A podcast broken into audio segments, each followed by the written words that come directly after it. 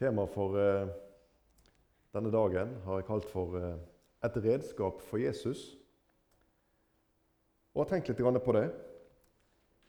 Vi er en forsamling her i Arken som består av eh, helt ifra de aller minste, som vi nå har sett under allsangen her, som er med og, og gjør tegn og ivrige, eh, til de som er kommet lenger opp i eh, de grå hår, og noen har vokst igjennom håret. Og Sånn er det. Eh, Vi er en forsamling som spenner vidt. Men det vi har til felles, det er at vi alle sammen kan få være redskaper for Jesus. Og Det har jeg lyst til å si noe om her i formiddag. Først skal vi be. Takk, Jesus, for at du har samla oss på dette sted. Takk, Herre, for at du vil eh, lære oss ifra ordet ditt. Og ber vi Jesus om at du må åpenbare det for oss, så vi kan forstå Jesus, det som du har tenkt for hver en av oss sine liv. Gi oss, Herre, å være lydige i det kallet som du legger i våre hjerter. Amen. Et redskap for Jesus kan jeg være et redskap for Jesus? Når vi snakker om redskap for Jesus, er det så fort gjort at du og jeg vi tenker på alle de andre. For det er alle de andre som kan være redskap for Jesus. Men jeg Kan jeg være et redskap for Jesus, tenker du kanskje. Og kanskje har du kjent på kallet som Jesus har lagt i hjertet ditt til å gjøre tjeneste for ham. Kanskje har Jesus eh, åpenbart ordet, ditt, ordet sitt for ditt hjerte på særskilt måte, slik at du kjenner trangen der inne til å dele det med andre. Kanskje har Jesus lagt en tjenestegave i ditt hjerte og minner deg om å møte mennesker som er i vanskelige situasjoner, eller som er ensomme. Ja, lista over ulike oppgaver i Guds rike, den er lang. Og Jesus han kaller hver og en, og det eneste som Jesus ber om, ja, det er villige hjerter. Jesus han har sagt, og vi leser i Johannes 15 og vers 5.: Jeg er vintreet, dere er greinene. Den som blir i meg og jeg i ham, han bærer mye frukt. For uten meg kan dere intet gjøre. Vi hørte nøkkelord i midten her om å bære mye frukt. Og Det er to ting med dette, som, dette, verset som jeg har lyst til å understreke her nå. Vi kan si mye om dette verset, men det er to ting spesielt her og nå. Det ene er å være i Han, og det er premisset for å bære frukt. For uten meg, sier Jesus, kan dere ingenting gjøre. Så altså skal du bære frukt for Jesus, så må frukten komme av at du er i ham. Akkurat som Jesus sier i lignelsen her, han er vintreet, dere er greinene. Hvis vi tar greina av vintreet, så slutter den å bære frukt, og den dør. Det andre det er at han ber deg om å bære frukt. Jesus har aldri bedt noen av oss om å produsere, om å lage frukt. Men Jesus han ber oss om å være i Han, om å være innpoda i vintreet. Om å sørge for å være i den livskraften som strømmer ut av Hans ord. For bare da kan du bære frukt. Og legg merke til Jesus, hva han sier her. Da skal du bære litt frukt. Nei, da skal du bære mye frukt.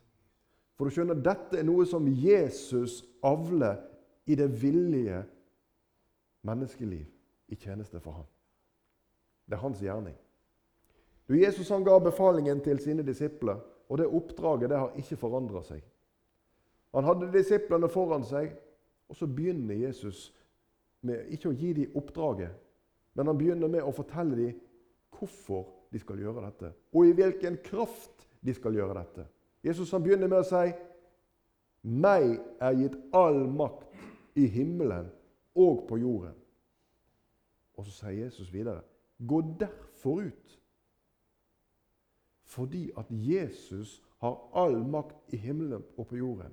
Og fordi at han har tilveiebrakt en frelse for alle mennesker som tar sin tilflukt til ham. Hver og en som roper til Jesus i sin egen utilstrekkelighet og sier at 'Jesus, jeg har synd i mitt liv. Jeg forstår at jeg kan ikke komme til himmelen slik som jeg er.' Men du, Jesus, med din tilgivelse, så kan jeg få komme inn. Så derfor, Jesus, tilgi meg. Og budskapet om dette enkle prinsipp det legger Jesus ned i hjertet til hver og en som tror, for at vi skal kunne vitne for ham på ulike arenaer. Jeremia er et eksempel på en mann som sto i en kamp midt i dette. Han hadde fått et oppdrag ifra Gud, og det var ikke bare enkelt. Og De tingene som Jeremia opplever, de kan kanskje også troende i dag erfare sine liv. Jeremia han sier, Du kan lese selv dette i Jeremia kapittel 20 og i versene 7-9. Jeg skal ikke sitere alle versene. Men her sier Jeremia jeg er blitt til latter hele dagen. Hver mann spotter meg. Har du møtt dette i møte med mennesker? At det der som du snakker om, det som du tror på, Bibelen, en gammel bok Dette der er eventyr. Jeremia han møtte det samme på sin tid. Vi vil ikke høre på dette, Jeremia. Det er bare tull, det du farer med. Videre så sier Jeremia.: For Herrens ord er blitt meg til hån og til spott hele dagen. De gjorde narr av Jeremia, og han kjente det i sitt hjerte at det gjorde vondt. Det gjorde vondt for Jeremia å oppleve at han ble tilsidesatt i samfunnet. Han ble en som de pekte på og lo av. Ja, han ble til og med en som de ønsker å gjøre vondt mot. Men i vers 11 så kommer Jeremia til dette. Men Herren er med meg som en veldig kjempe. Jeremia kunne ikke stå imot det oppdraget som Gud hadde gitt ham, til tross for at han opplevde å bli til hån og spott, til å bli til latter, til å bli upopulær. Fordi at han erfarte gjennom alt dette at Gud er med meg. Herren er med meg som en veldig kjempe. Og slik er det fremdeles. Et annet redskap som vi leser om i Det gamle testamentet, i Dommernes bok kapittel 6, der leser vi om en mann, og du som kjenner Bibelen godt, du vet at nå sikter vi oss inn mot Gideon. Israel de lider under Midianittene. Årsaken til det, at Midianittene som var et fiendefolk, kom og plagde de og gjorde livet nærmest ulevelig for Israel, det var at de hadde vært ulydige mot Gud. Det er på en måte forhistorien her. Og Gud han lar fiendefolket komme innover dem. Og til slutt så erkjenner Israel dette. De ropte på Herren og ba han om hjelp. Vi leser litt om hvordan de hadde det her i Dommerne 6 og vers 3-4. Hver gang Israel hadde sådd, kom midianittene og amalekittene og Østens barn og gikk til angrep mot dem. De slo leir rett imot dem og ødela avlingene i landet, helt til Gaza, og lot det ikke være igjen noe å leve av i verken Israel, i Israel verken småfe eller storfe eller esler. De tok alt. De ødela avlingene. De ødela hele livsgrunnlaget til Israel. Og du som kjenner den historien, du vet at De prøvde å dyrke inn i noen huler oppe i fjellet for å holde noe av avlingen skjult for fiendefolket, så de kunne ha noe å leve av. Det var en kamp om livet, dette. Og fiendefolket slo inn. År etter år. I sju år så led de under dette. her, Så kom fiendefolket inn og ødela alt for dem. Og midt i alt dette så er det at Gideon han blir kalt til tjeneste. Dommernes bok kapittel 6 og vers 12. Herrens engel åpenbarte seg for ham og sa til ham, 'Herren er med deg, du djerve kjempe.' Det var litt av et ord å få ifra Herrens engel, som kommer til Gideon, der han står og steller med disse, denne vesle avlingen der i disse, dette huleområdet. Og så kommer Herrens engel. 'Herren er med deg, du djerve kjempe.' Og En kunne tenke at det måtte jo ha, virkelig ha antent noen følelser hos Gideon at å, er det sånn Gud ser på meg? Men han sa til ham, vers 15, Å Herre, hvordan skal jeg kunne frelse Israel? Min ett er jo den ringeste i Manasseh, og jeg er den yngste i min fars hus. Gideons respons på budskapet fra himmelen om at han er en djerv kjempe for Herren, det er at eh, han svarer engel har det skjedd en forveksling der oppe i det himmelske. Er du sikker på at du kom til riktig adresse her nå i Israel? Du skjønner Nå er du kommet til den minste stammen som er her. Den ringeste stammen. Og, og du har heller ikke valgt den som er best egnet i, i huset vårt. Vi, jeg er den yngste. Den minst egnet av alle. Det er Gideons respons. Har det skjedd en feil her? Noen mennesker opplever det på denne måten i møte med Guds kall. Gud, det må være noen andre som kan gjøre dette som du ber meg om. Jeg, jeg, jeg kan ikke dette. Jeg er ikke egnet til dette som du ber meg om. Jeg, jeg kan være med på, på, på menighetshuset, jeg kan hjelpe til å rydde, og jeg kan trekke Men Gud, å vitne om deg for andre mennesker, nei, det, det er for vanskelig. Og så har vi veldig mange argumenter ofte. Gud, må, må, du må be noen andre. Moses er et annet eksempel som ikke vi skal gå inn i her i dag, som også hadde på samme måten. Jeg er ikke noe ordets mann, Gud. Jeg, jeg baler med å snakke rett, osv. Da sa Herren til ham, 'Jeg vil være med deg, og du skal slå midjanittene ned til siste mann.' Gud ville ikke høre på Gideon sine innvendinger, men Herren sa til ham, 'Jeg vil være med deg.' Hvilke ord gav Jesus til disiplene når han hadde gitt dem befalingen? 'Jeg er med dere alle dager inntil verdens ende'. Det samme ordet for Gideon. 'Jeg vil være med deg'. Og så får han forsikringen om at han skal slå medianittene ned til sistemann. Husker du fortellingen om Gideon? Når han samla det krigsfolket som skulle gå med han i striden mot medianittene. De var 32 000 krigsmenn. Og så er det at Gud sier dere er altfor mange. Har du hørt om det før? At Noen som skal gå i krigen, og så får de beskjed dere er for mange. Dere må ikke være så mange når dere skal til krig. Men det er det som skjer her. Og Gideon han sier til folk at eh, de som er redde og har lyst til å reise hjem igjen, de kan få gjøre det. Ja, Da reiser det 22 000 stykker som reiser hjem igjen. Har du hørt om det at det skjer i krigen? De som ikke har lyst til å være med og kjenne at de er redde, de kan reise hjem igjen. Fremdeles sier Gud at dere er for mange. Og Så går de ned til en elv og så skal de drikke. Og så er det 300 som drikker på en spesiell måte her, som Gud sier disse Gideon, disse kan du ta med deg i krigen. Alle de andre de kan du la reise hjem igjen. Hva er det Gud demonstrerer? Gud han demonstrerer at det er ved hans hånd, det er ved hans arm, det er ved hans makt at seieren skal skje. Og ikke ved de ressurser som vi måler med våre øyne.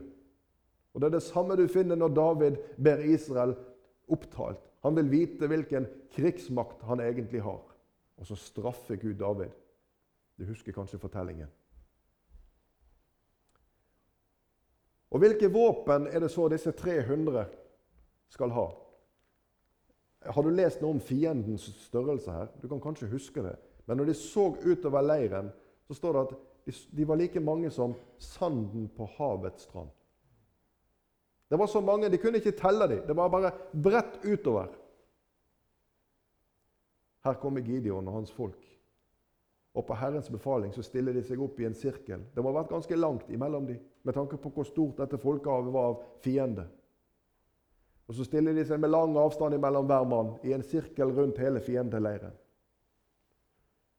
Også på Gideons befaling så roper de for Herren og for Gideon. Og Så knuser de noen krukker som skjuler en fakkel som de holder, slik at lyset blir synlig. Og så lyder lyden ifra hornet som de hadde med seg. Og hva er det som skjer?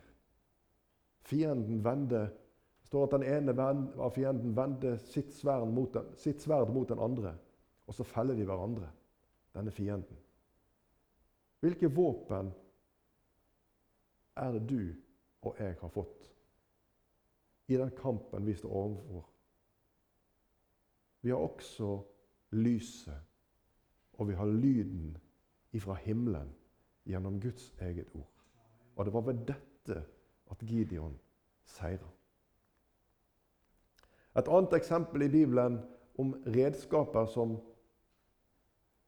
av noen ble vurdert for dårlige, for lite egnet. Så skal vi ta fram fortellingen om når Jesus mette en stor folkemengde. Vi leser i Johannes 6, og vi skal lese vers 1-13. Etter dette dro Jesus over til den andre siden av Galileasjøen, også kalt Tiberiassjøen. Og En stor folkemengde fulgte ham fordi de så tegnene som han gjorde på de syke. Jesus gikk opp i fjellet, og der satte han seg sammen med disiplene sine. Og påsken, jødenes høytid, var nær. Da nå Jesus løftet sine øyne og så at en stor folkemengde kom til ham, sa han til Philip, 'Hvor skal vi kjøpe brød, så disse kan få noe å ete?' Men dette sa han for å prøve ham, for han visste selv hva han ville gjøre. Philip svarte ham, Brød for 200 denarer er ikke nok til at hver av dem kan få et lite stykke.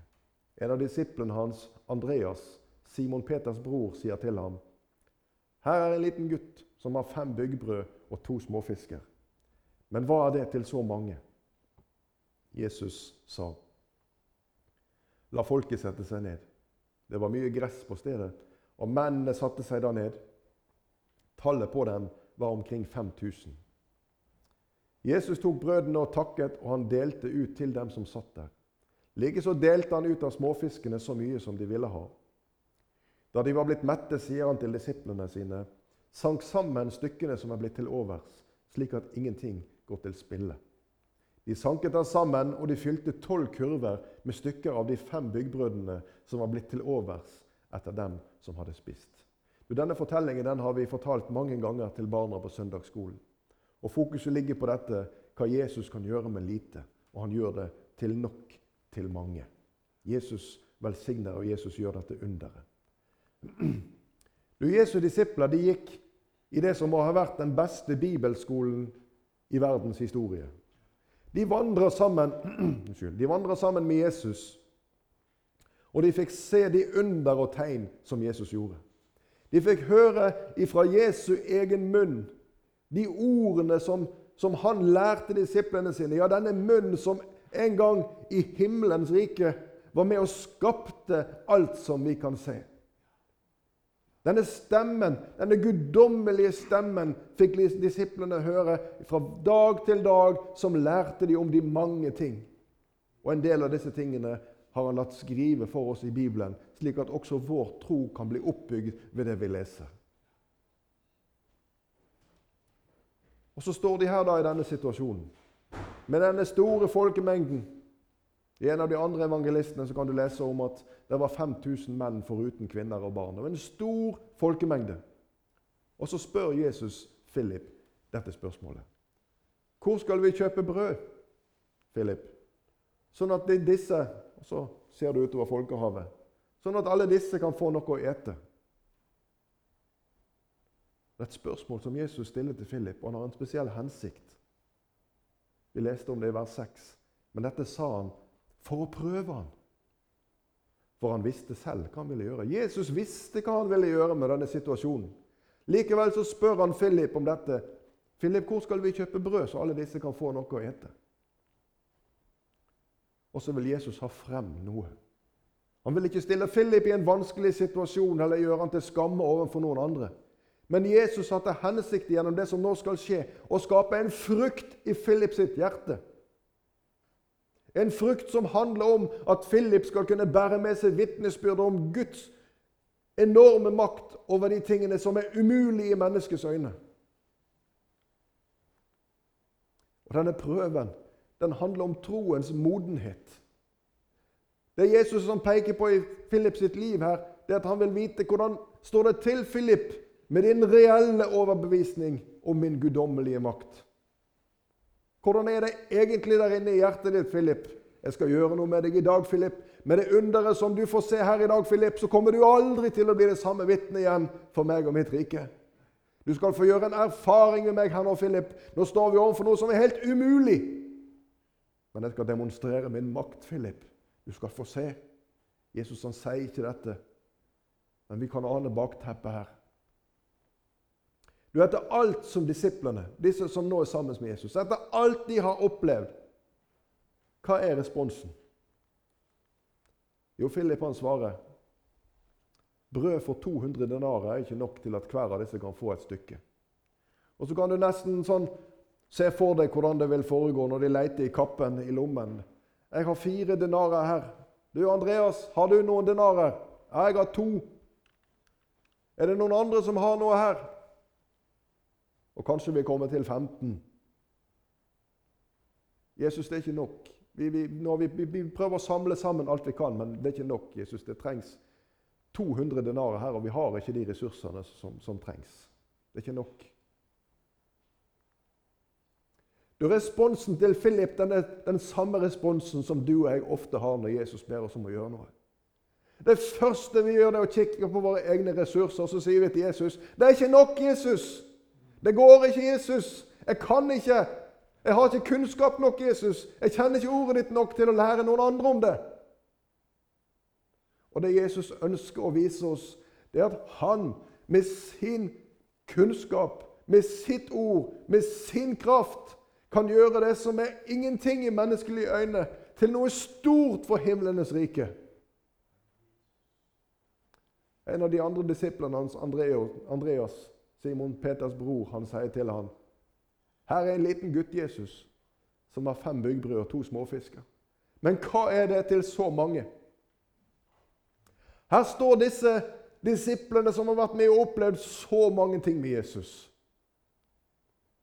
Og Så kan vi se for oss at denne situasjonen når de står her og diskuterer om hvordan skal det bli nok mat, alle disse, og hvordan skal vi få fatt i nok penger til å kjøpe dette brødet. Og midt i alt dette, mellom alle disse menneskene, så er det en liten gutt her. Vi vet lite om den lille, gutten. Om han var på vei til skolen eller på vei hjem fra skolen, eller om han hadde vært ute og jobba på marken. Han var iallfall kommet der. Og foreldrene de hadde utrusta han med denne vesle matpakken. Og Vi kan nesten se for oss at han gjør seg sjøl synlig der, sånn at noen får øye på det som han har oppi denne her. Ja, Andreas. Og han sier til Jesus, 'Jesus, her er en liten gutt.' Det er en liten gutt her, Jesus. Men, men, men, men det han har med seg, det er altfor lite. Det er ikke nok, Jesus. Han har fem, fem byggbrød, og han har, to, han har ikke to store fisker, han har to små fisker. Ja, Vi kan forestille oss oppi denne her lille matboksen med noe som ligner på sånne sardiner som vi får kjøpe i olje. Jesus, dette her, det, det, det er ikke nok. Det, det, går ikke, Jesus. Og, og, du Jeg ser du har med deg denne matpakken, gutt. Vi kan se det for oss, men dette her, det, du, du skjønner Gå din vei. Gå og spis matpakken din. Dette er ikke noe å dele på. Vurdert helt ubetydelig oppimot behovet. Men forskjellen her er at denne lille gutten han kommer frem med dette lille han har. Men disiplene de har en fokus som er retta inn mot det som er så umulig i denne situasjonen. Den lille gutten sier det er ikke mye, men det er dette her. Du kan få det jeg har her. Mens disiplene sier nei, det går ikke. Kjenner vi oss igjen i dette? Hvem er det du tror du er som kan bidra med noe? Hvem er det du tror du er, eller hva er det du tror du har som gjør at du kan bidra med noe? Som tror at du kan gjøre noe? Kjenner du denne stemmen? Ja, Du kan møte den i samfunnet på ulike områder, men nå snakker vi i et åndelig perspektiv. Kjenner du denne stemmen som forteller til ditt hjerte at du sånn som du er, du kan ikke gjøre noe for Jesus? Du kan ikke tale fra Hans ord. Du er ikke egnet til å møte dette mennesket som du vet om som er i en sånn spesiell vanskelig situasjon. Du har ikke de riktige ordene. Du har ikke noe trøst å gi. Kjenner du disse ordene som så lett kommer? Denne stemmen. Du, Det er en kjent stemme, og det er den onde stemme. Og den har alltid det samme fokuset, og det er å rette vårt fokus innover i våre egne liv. Slik at vi betrakter våre egne ressurser, og så kommer vi frem til den samme konklusjonen ja, det er sant det som du sier. Jeg er ikke egnet. Det er dette Jesus ønsker å gjøre noe med denne dagen. Disse disiplene som nå står her og ser på det umulige, hadde glemt det som skjedde i Kana. Når Jesus gjorde vannet om til vin. Hadde glemt disse disiplene om denne syke som lå der ved Betestadammen, og som Jesus gikk fram og reiste opp, slik at han ble frisk og kunne gå derifra. Hadde de glemt det som skjedde bare for litt siden når de var ute og fiska hele natten hadde fått ingenting, og Jesus ber dem om å dra ut igjen og kaste garnet på den andre siden på båten? Og så var det så fullt at garnet holdt på til å revne. Har de glemt det? Har de glemt når de var ute i båten og de vekka Jesus og sa 'Herre, vi går under'? Og han reiste seg opp og strakte hendene utover sjøen og sa 'Bli stille'. Alle disse erfaringene hadde disiplene på dette tidspunktet. De visste hvem Jesus var. Og allikevel Jesus, hva skal vi bidra med? Hva kan vi gjøre? Det er ikke nok penger, og det er ikke nok det som den lille gutten kommer med. Hva er det som har skjedd med disiplenes tro? I Bibelen den sier noe om at vi må være som barn for at vi skal komme inn i himlenes rike. Matteus 18, vers 3. Uten at dere omvender dere og blir som barn, kommer dere slett ikke inn i himlenes rike. Gud er far, og vi er barn. Og Gud, som er vår far, han kan alt. Små barn tenderer til å tenke sånn om fedrene sine. De kan alt, de voksne. Det kan være mamma eller det kan være pappa. De kan alt. Det er ingenting som er umulig. Etter hvert som vi vokser til, så skjønner vi at sånn er det ikke. Og vet du hva? Du og jeg vi tenderer til det. Når vi vokser opp, blir med meg nå i åndelig forstand, så begynner vi å sette spørsmålstegn med hva Gud kan gjøre i ulike situasjoner. For vår, etter vår vurdering og innenfor vår ramme så er det for vanskelig. Men Gud er ikke slik. Han har sagt at ingenting er for vanskelig for ham. Han ønsker at vi skal være i den barnslige tilliten i møte med de oppdragene som han gir oss. Vit det i ditt hjerte at jeg skal gjøre gjerningen. Jeg trenger ditt villige hjerte til dette. Jeg skal gjøre alt. Jeg skal gi deg alt som du trenger. Men jeg ber om ditt villige hjerte. Du er i møte med realitetene, så er det at troen kan svekkes. Når det bare griner imot deg om at dette er helt uløselig, det er helt umulig, og så gjør det noe med troslivet ditt og mitt. Da må vi huske de tingene som Jesus har gjort. Det er derfor Paulus skriver Romerne 15 at det som før er skrevet, det er skrevet oss til lærdom, for at vi kan finne håp og trøst gjennom det som Skriftene forteller oss. Du, Jesus han vet om alt dette, og han har altså en hensikt denne dagen som er større enn det å mette denne folkemengden med brød. Se for deg denne vesle gutten han kommer hjem denne dagen. 'Mamma og pappa, dere aner virkelig ikke hva som skjedde i dag.' 'Jeg skal fortelle helt utrolig.' Jeg, jeg, meg også, også en mann. Han, han, han, er, han, heter Jesus. Jeg og han, Dere skal høre her hva vi gjorde i dag. Denne matpakken som jeg fikk hos dere med, med disse fiskene og disse brødene. Jeg, jeg ga det til han. Og vi metta flere tusen mennesker i dag. Og, og, og det var rester igjen. Det var mer til overs. Ser du for deg denne guttens vitnesbyrd når han kommer hjem og skal fortelle om det Jesus gjorde med det lille som han ville dele? Johannes 6, vers 12. Da de var blitt mette, sier han til disiplene sine, sank sammen stykkene som var blitt til overs. Mange kurver ved mat til overs. Mye mer enn det som var i utgangspunktet, til overs. Jesus velsigner og skaper overflod. I 1. Korinterbrev kapittel 1 vers 6 så leser vi Brødre, legg merke til det kall dere fikk. Jeg har streka under dere. Og jeg vil si til deg, bror eller søster, legg merke til det kall som du fikk. Ikke det som de, de andre tilsynelatende har fått, eller som du tenker at de kan ha fått. Men legg merke til det kallet som Gud har lagt i ditt hjerte. Merk deg det. Og vær villig for Jesus. For dette med å vurdere det kallet som Gud har gitt oss, opp imot hvorvidt du kjenner deg egnet eller ikke, det kan være med på å bryte ned troslivet ditt. Jesus ønsker at ditt fokus skal ligge på hva han kan gjøre gjennom ditt liv til velsignelse og gjerne til frelse for andre, men også til velsignelse og bevarelse for din egen sjel. 1. Korinterbrev 1 vers 27. Men det drakk de i verden. Altså det som ingenting var. Det utvalgte Gud seg for å gjøre de vise til skamme. Og det som er svakt i verden, det utvalgte Gud seg for å gjøre det sterke til skamme. Gud sendte ikke Gideon i krigen med 32 000 menn, så de etterpå kunne slå seg på sitt bryst og si at 'vi vant'. Vi er sterkest, vi er best, vi hadde de beste våpnene og en fantastisk strategi. Gud han gjør det slik at det står ikke tilbake noen tvil om hvem som er seierherren.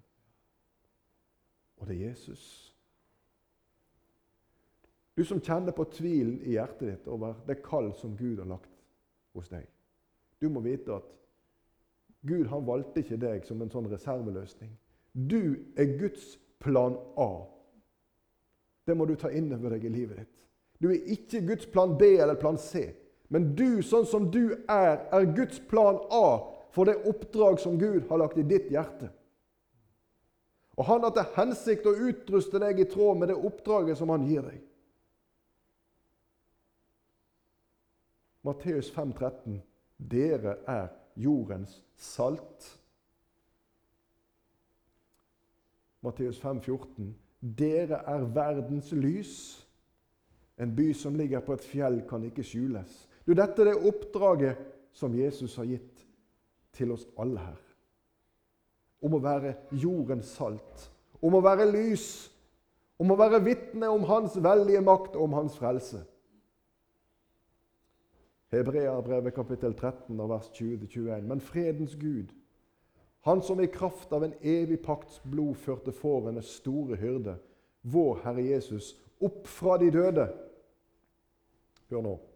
Må Han gjøre dere dyktige til alt godt, så dere kan gjøre Hans vilje ved at Han virker i oss, ved Jesus Kristus, det som er godt i Hans øyne. La du merke til hvordan dette skulle gå til, som vi leste her? Han skal gjøre deg dyktig til alt godt, sånn at du kan gjøre hans vilje. Og hvordan skulle det skje? Jo, ved at han får virke i deg ved Jesus Kristus. Og da skjer forandringen, min venn. Det er Jesus. Og det er Jesu kraft. Det er hans visdom. Det er hans utrustning. Det er Åndens åpenbaring over ordet. Og det er ikke deg, dine begrensninger, som betyr noe her. Du, Gideon han ber om et tegn. Han ber om flere tegn.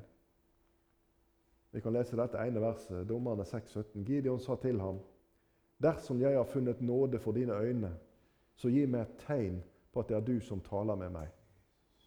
Har du vært der noen gang? Gud, hvis du vil jeg skal gjøre dette, her, da, da trenger jeg et tegn. Jeg trenger Gud at du viser meg på en spesiell måte. Og noen ganger så gjør Gud det. Jeg har vitner for dere som sitter her, om hvordan dette skjedde i mitt eget liv. Første gangen jeg skulle ut og preike. Første gang jeg skulle ut og ha mer enn ett møte sammen med noen andre som jeg kunne støtte meg på. Første gang jeg skulle reise helt alene, og jeg kjente meg så uegnet. Og det sa jeg til Jesus. Og så har jeg fortalt det før, men jeg sier det igjen her. Jeg sa til Jesus når jeg nå åpner Bibelen min, jeg satt på kjøkkenbordet, så må det stå her. Når jeg nå åpner her, så må det stå her at jeg skal reise og forkynne. Og det var jeg ganske sikker på at det kommer det nok ikke til å gjøre. Men Gud han står ved sitt kall. skjønner du? Og Jeg husker det som det skulle vært i går når jeg satte to tomler i Bibelen der på kjøkkenbordet og åpnet den opp på kjøkkenbordet. Og Jeg leste fra 1. Korinterbrev kapittel 9 vers 16. Og Da skriver Paulus for om jeg forkynner evangeliet, er det ingenting å rose meg for. For ved meg om jeg ikke forkynner evangeliet. Var det klar tale? Ja, det var klar tale. Og Slik så fikk Gud bruke meg. Og jeg fikk begynne min, min reise for Jesus med å vitne for Han. Helt uten forkunnskap her, helt uten noe bibelskole, helt uten noe sånne foredrag og innføring i hvordan skal man bygge opp en preken og alt dette. Jeg bare si til deg at Jesus han bruker den som han peker på. Hvis du vil være villig, så gjør Jesus det samme i ditt liv som han gjorde i mitt liv. Jesus han, han ga meg en appetitt på bibelordet deretter. Og Jeg ba han, Herre, du må, du må gi meg trang til å søke inn i ordet ditt. Jeg føler meg så kunnskapsløs i forhold til dette oppdraget. Og det gjorde Jesus. Han svarte meg på det. Og hvor mange ganger har han styrka mitt hjerte, mitt eget hjerte, ved det som jeg skal få lov til å være med og dele til andre når jeg setter meg ned der og blar i Bibelen min. Du, Slik er Jesus. Slik har han velsigna meg, og slik vil han også velsigne deg. Du, Gud han kaller fremdeles. Og hva er ditt svar på det kallet som du fikk hos Jesus? Sier du ja til Jesus, eller tenker du fremdeles at dette er noe som de andre skal gjøre? Ser du på dine egne ressurser, eller regner du med guddommelig kraft? Har du opplevd ting med Jesus? Har du hørt andre vitner om ting de har opplevd med Jesus? Er du slik som Philip og slik som Andreas, at til tross for det, så ser du at det er for lite, de ressursene vi har. Og selv om vi samler inn alt det vi kunne trenge, så er det altfor lite, det også. Eller har du en tro som er blitt moden hos Jesus, så du kan regne med hans guddommelige kraft. I Jeremia kapittel 32 vers 27.: Se, jeg er Herren, alt kjøds Gud. Skulle noen ting være for vanskelig for meg? Jesus han vil gjøre gjerning, og han vil ha sitt rikets fremgang gjennom ditt liv. Du som vil si ja til han for å være i hans tjeneste. Helt til sist. Du kjenner dette sangverset. Høsten er moden, og arbeiderne få. Hvem skal jeg sende, og hvem vil gå? Hvem vil bære budet om at Gud er kjærlighet? Si meg, vil du være med?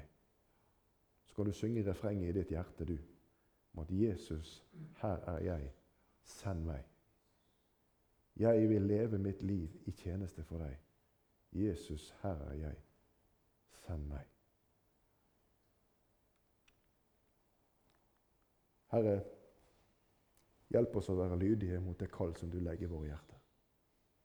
Hjelp oss, Herre Jesus, å våge å stige fram på ditt ord, Herre. På ditt ord, Herre, så kan vi stige fram i frimodighet, Herre. For vi veit, Herre Jesus, at du har all makt i himmelen og på jorden. Amen.